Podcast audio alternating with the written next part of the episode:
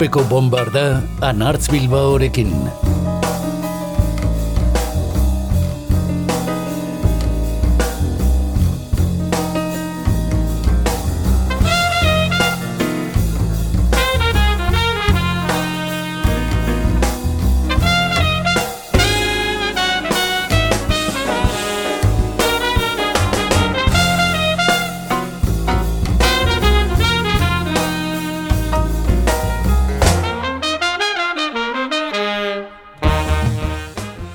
Eta hogeita bateko otzailaren bederatzean zendu da txik Korea. Irurogeita emeretzi urte zituela, ezoiko minbizi batek joa. Armando Anthony Korea mila bederatzerun da berrogeita bateko ekainaren amabian jaio zen Massachusettsen, Ameriketako estatu batuetan, jatorri italiarreko familia batean.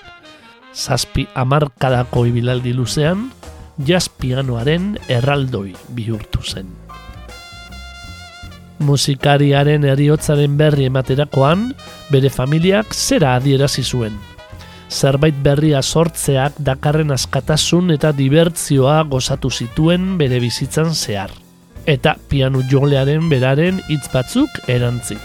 Eskerrak eman nahi dizkiet, nire bidaiak iraun bitartean izan ditudan zute musikalak gori-gori mantentzen lagundu nauten guztiei irurogeiko amarkadan nabarmendu zen txik korea pianu jotzailea. Jazz fusioan. Gazte-gaztea zela Miles Davisekin egin zuen lan, eta Return to Forever sortu zuen gero. Ordutik ona, eundik gora disko grabatu zituen. Oso egitasmo ezberdinetan parte hartuz. Jazz musikaz gain, baita klasikoa joz ere. Miles Davis berak, arro esaten egin zuen txikorea New York iriko klubetan piano akustikoa joz ezagutu zuela eta berak bultzatuta hasi zela organoak eta teklatu elektrikoak jotzen. Jarbiri betidanik gustatzen zitzaizkion tramankulu elektrikoak. Jarbi Hancocki buruz mintzo da trompeta jolea. Baina txik nirekin jotzen hasi zenean, ezen ausartzen Fender Rhodes teklatuak jotzen. Ezen eroso sentitzen, nik behartu nuen arte. Gaur urpeko bombardan, txikorearen teklak entzungo ditugu, izan piano klasikoan zein teklatu elektrikoetan.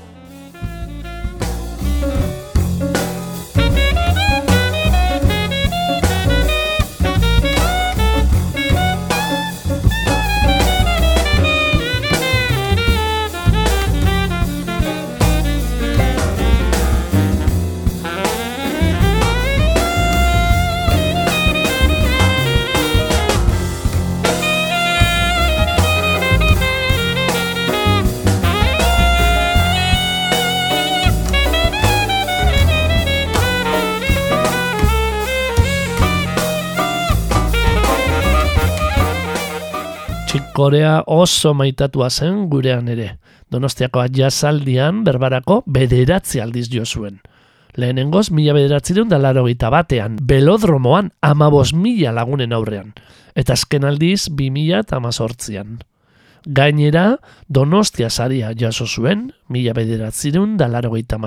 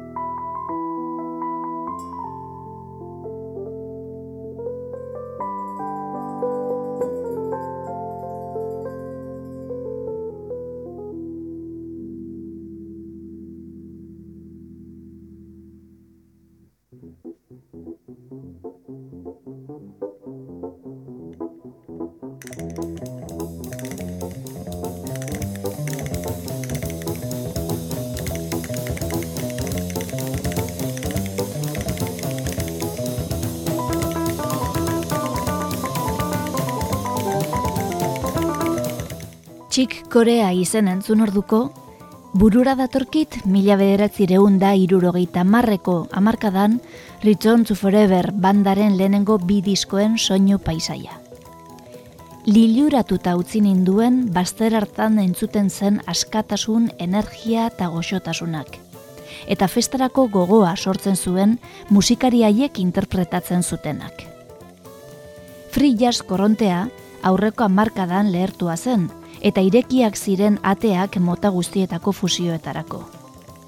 Disko haietako aparteko atmosfera ura sortzeko, Flora Purimen ahots fina eta Joe Farrellen flauta delikatua bildu zituen koreak. Artean boladan zegoen instrumentua, Peter Gabrielen Genesisen diskoak, Mikel Laboaren irurogeita marreko diskoak, baita pianistak erabiltzen zuen Fender Rhodes piano elektrikoa ere iruren artean espazio berri bat eraiki zuten, zeinak paradisuarekin antza handia izango lukeen ura existitzekotan.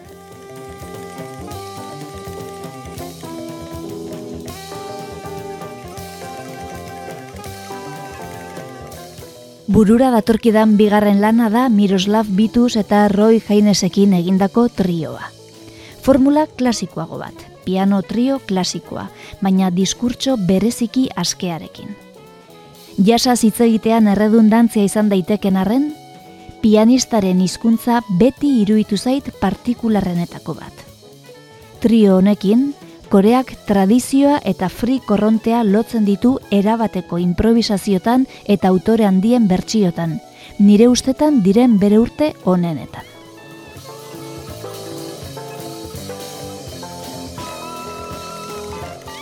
Bere musikak generoen arteko mugak zeharkatzen ditu. Jasetik arago doa. Eraikitako zubiei esker, batzuek jasera gerturatzeko aukera izan genuen. Lurralde berriak ezagutu, eta bertan ere festaz gozatzeko aukera dagoela jakin genuen.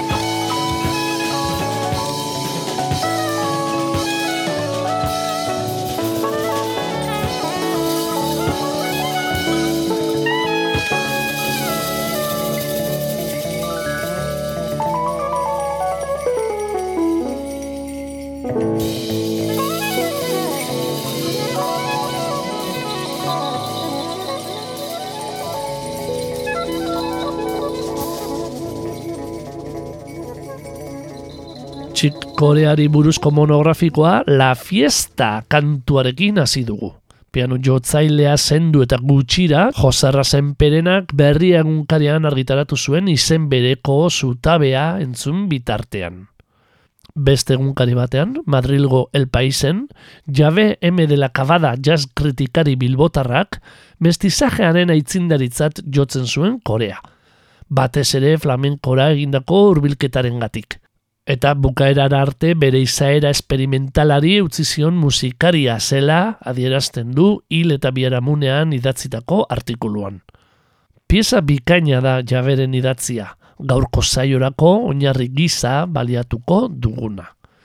Txikoreak musika klasikoa ere jorratu zuela esan dizugu.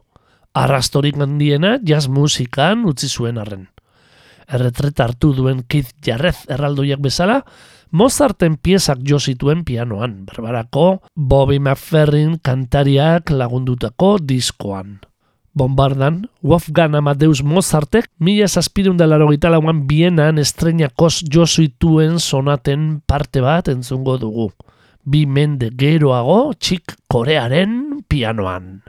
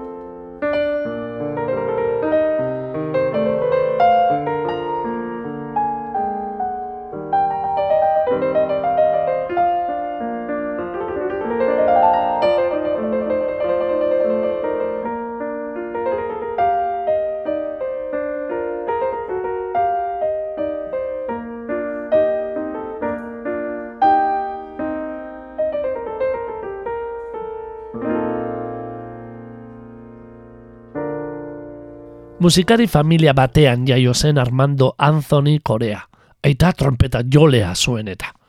Mutikoa zela bost urterekin hasi zen piano eskolak jasotzen, eta irurogeiko amarkada zieran New Yorkeko Juilliard eskolen zutetzuko ikasle ere izan zen. Andy gutxira, Blue Mitchell, Harvey Mann eta Cal Chatter bezalako musikariekin jotzen zuen, gero eta ezagunagoa bihurtuz irurogeita zeian ez getzen laukotean onartu zuten, eta bi urte geroago bere lehen maixulana eman. Now he sings, now he sobs. Miroslav Vitus eta Roy Hainesekin osatu zuen irukote goraipatuan.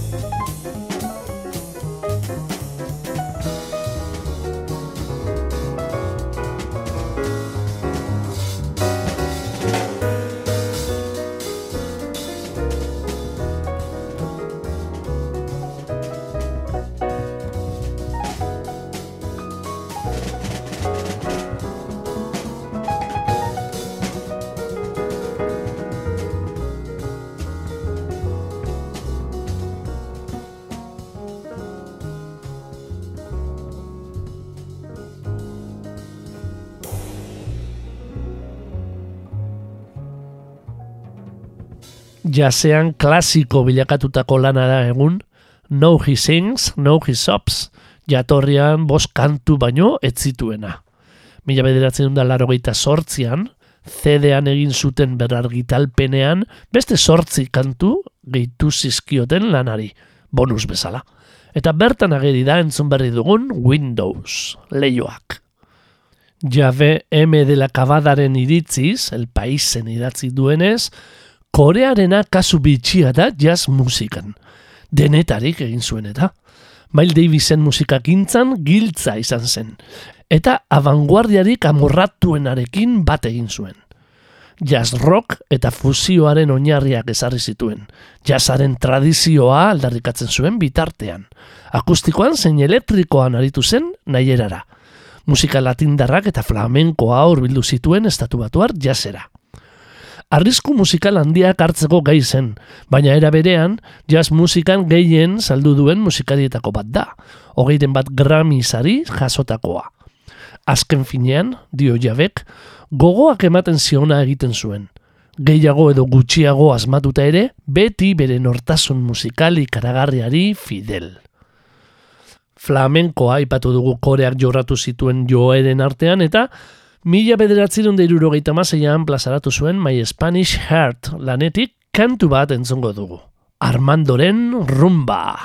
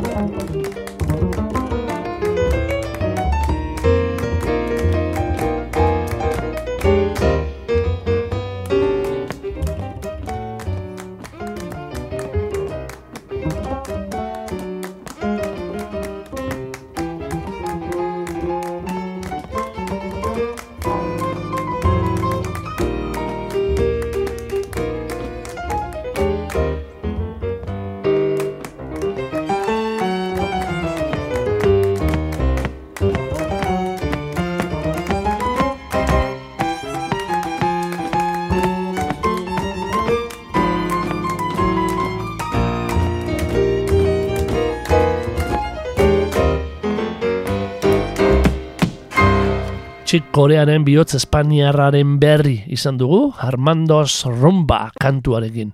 Eta guazen aurrera, el pais egunkariak pianu jolea hilberritan idatzitakoarekin. Heme dela kabadaren ustez, Bill Evansen osteko jazz pianoaren lau zutabetako bat izan genuen Txik Korea. Harvey Hancock, McCoy Tyner eta Keith Jarrezekin batera. Akaso guztietan eklektikoena.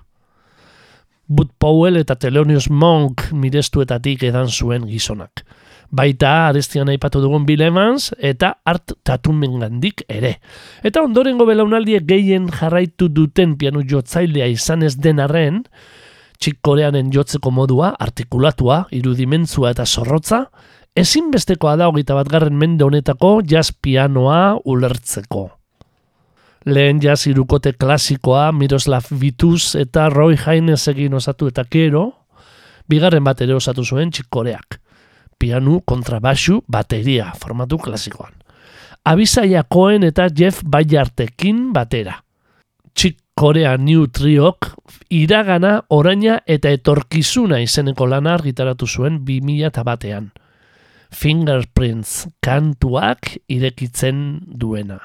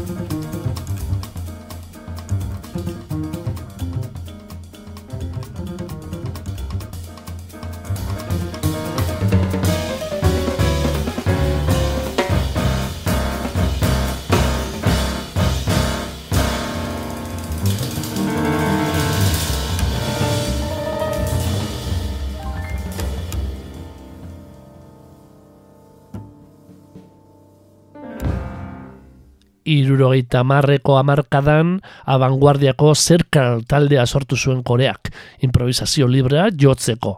Anthony Braxton, Dave Holland eta Barry Hatchell musikari handiekin batera. Eta musikatik aparte, zientziologiaren sinesmenekin bat egin zuen. Baina amarkada honetan azpimarragarriena Return to Forever taldearen sorrera da. Jazz fusioaren talde garrantzitzuena bihurtuko zena arrakasta handiz gainera. Mila bederatzi den derurogeita maikan, korearekin batera, Stanley Clark, Joe Farrell eta Airto Moreirak osatuko zuen taldeak hiru formazio ezberdin izango zituen amarkada horretan. Eta laugarren bat, 2000 eta maikan berriro elkartu zirenean. Return to Foreverek zazpi estudioko disko argitaratu zituen. Debut laneko bealdean, gorditzen da, hasieran entzungai izan dugun La Fiesta Ura. Eta irugarrenean, mila bederatzi da irurogeita mairuko, zazpigarren galaxiako ere zerkia deiturikoan, jarraian entzungo duguna. Space Circus.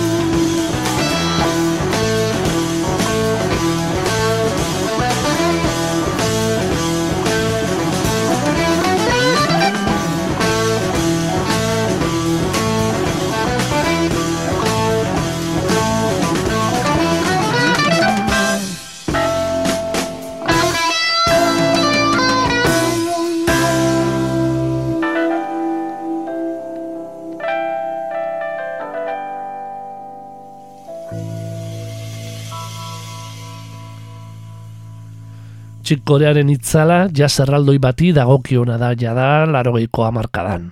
Pianu joleak jarraitzen du tarteka irukotean jotzen, Vitus eta Heinesekin batera, bere zuzenekorik bikainenetako batzuk aurkezten ditu bakarka, eta interes handia agertzen du flamenko eta latindar musikarekiko.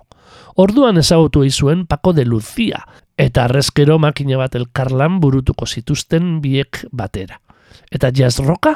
Bai oixe, joratzen du jazz roka ere, bere Electric Band taldearekin.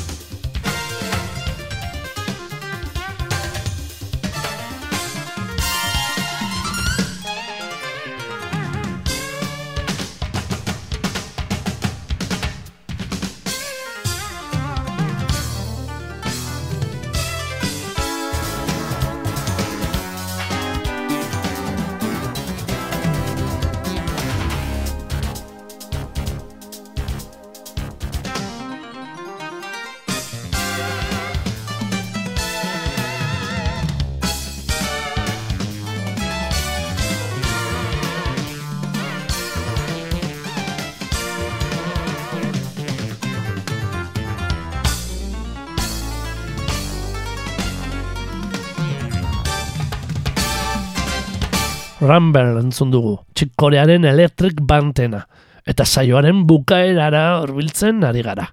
Gaurko bombarda osatzeko, jabe M de la Cabada Bilbotar jazz kritikari eta lagunak txikorea zendu berritan el país egunkarian argitaratutako pieza hartu dugu oinarri. Amarkada zamarkada, Koreak bukaeraraino mantendu zuen grina eta eklektizismoa, dio bertan jabek. Sasoiko mantendu zen beti, fizikoki zen sortzaile gisa. Zirraragarria zen zuzenekoetan, irudimen agortezina zerion eta oizkanpoko teknika zuen. Garaitezina zirudien, eta bere legendaren parekoa da utzi digun ondarea. Saioa bukatzeko beste bi pieza antzungo ditugu, bertzioak biak alabiak. Lehena, Moments Notice. John Coltrane saxofoi jolearen kantua. Blue Train lanean plazaratua. Mila bederatzireun da berrogeita mazortzian.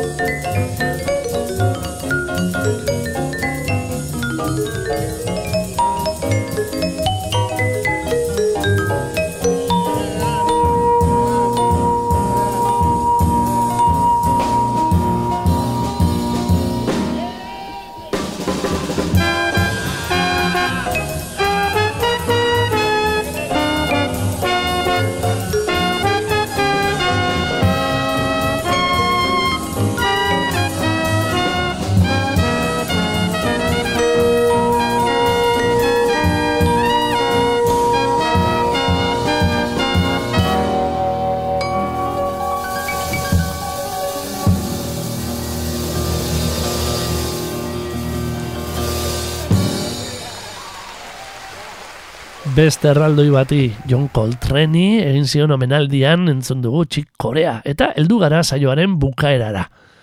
Gure partetik esan dezakegu, Korea zuzenean entzun genuen apurretan, ohartu ginela, zaleek izugarri maite zutela gizona. Alaxe begitan du izan zaigu beti, donostiako jazaldira egin zituen azken bizitetan. Sekulako konexioa lortzen zuela publikoarekin eta zirrara eragiteko gaizela. Gaurkoan ordea, ez da erraza izan uineratuko genituen txikorearen kantua gautatzea. Hain da zabala bere bilbide eta hain dira luzeak bere pieza nagusienetako asko laburtxoena jautatzen saiatu gara, asko baitira mar minututik gorakoak. Entzun dugu korea jauna Mozart berrirakurtzen. Entzun dugu irukote klasikoan zein bakarka, elektrikoan eta Return to Forever taldean. Entzun dezagun orain, bombarda urpean gorde baino lehen eta bukatzeko, pop arribitsi baten bertzioan. Gary Burtonekin batera The Beatles taldearen Eleanor Rigby Joss.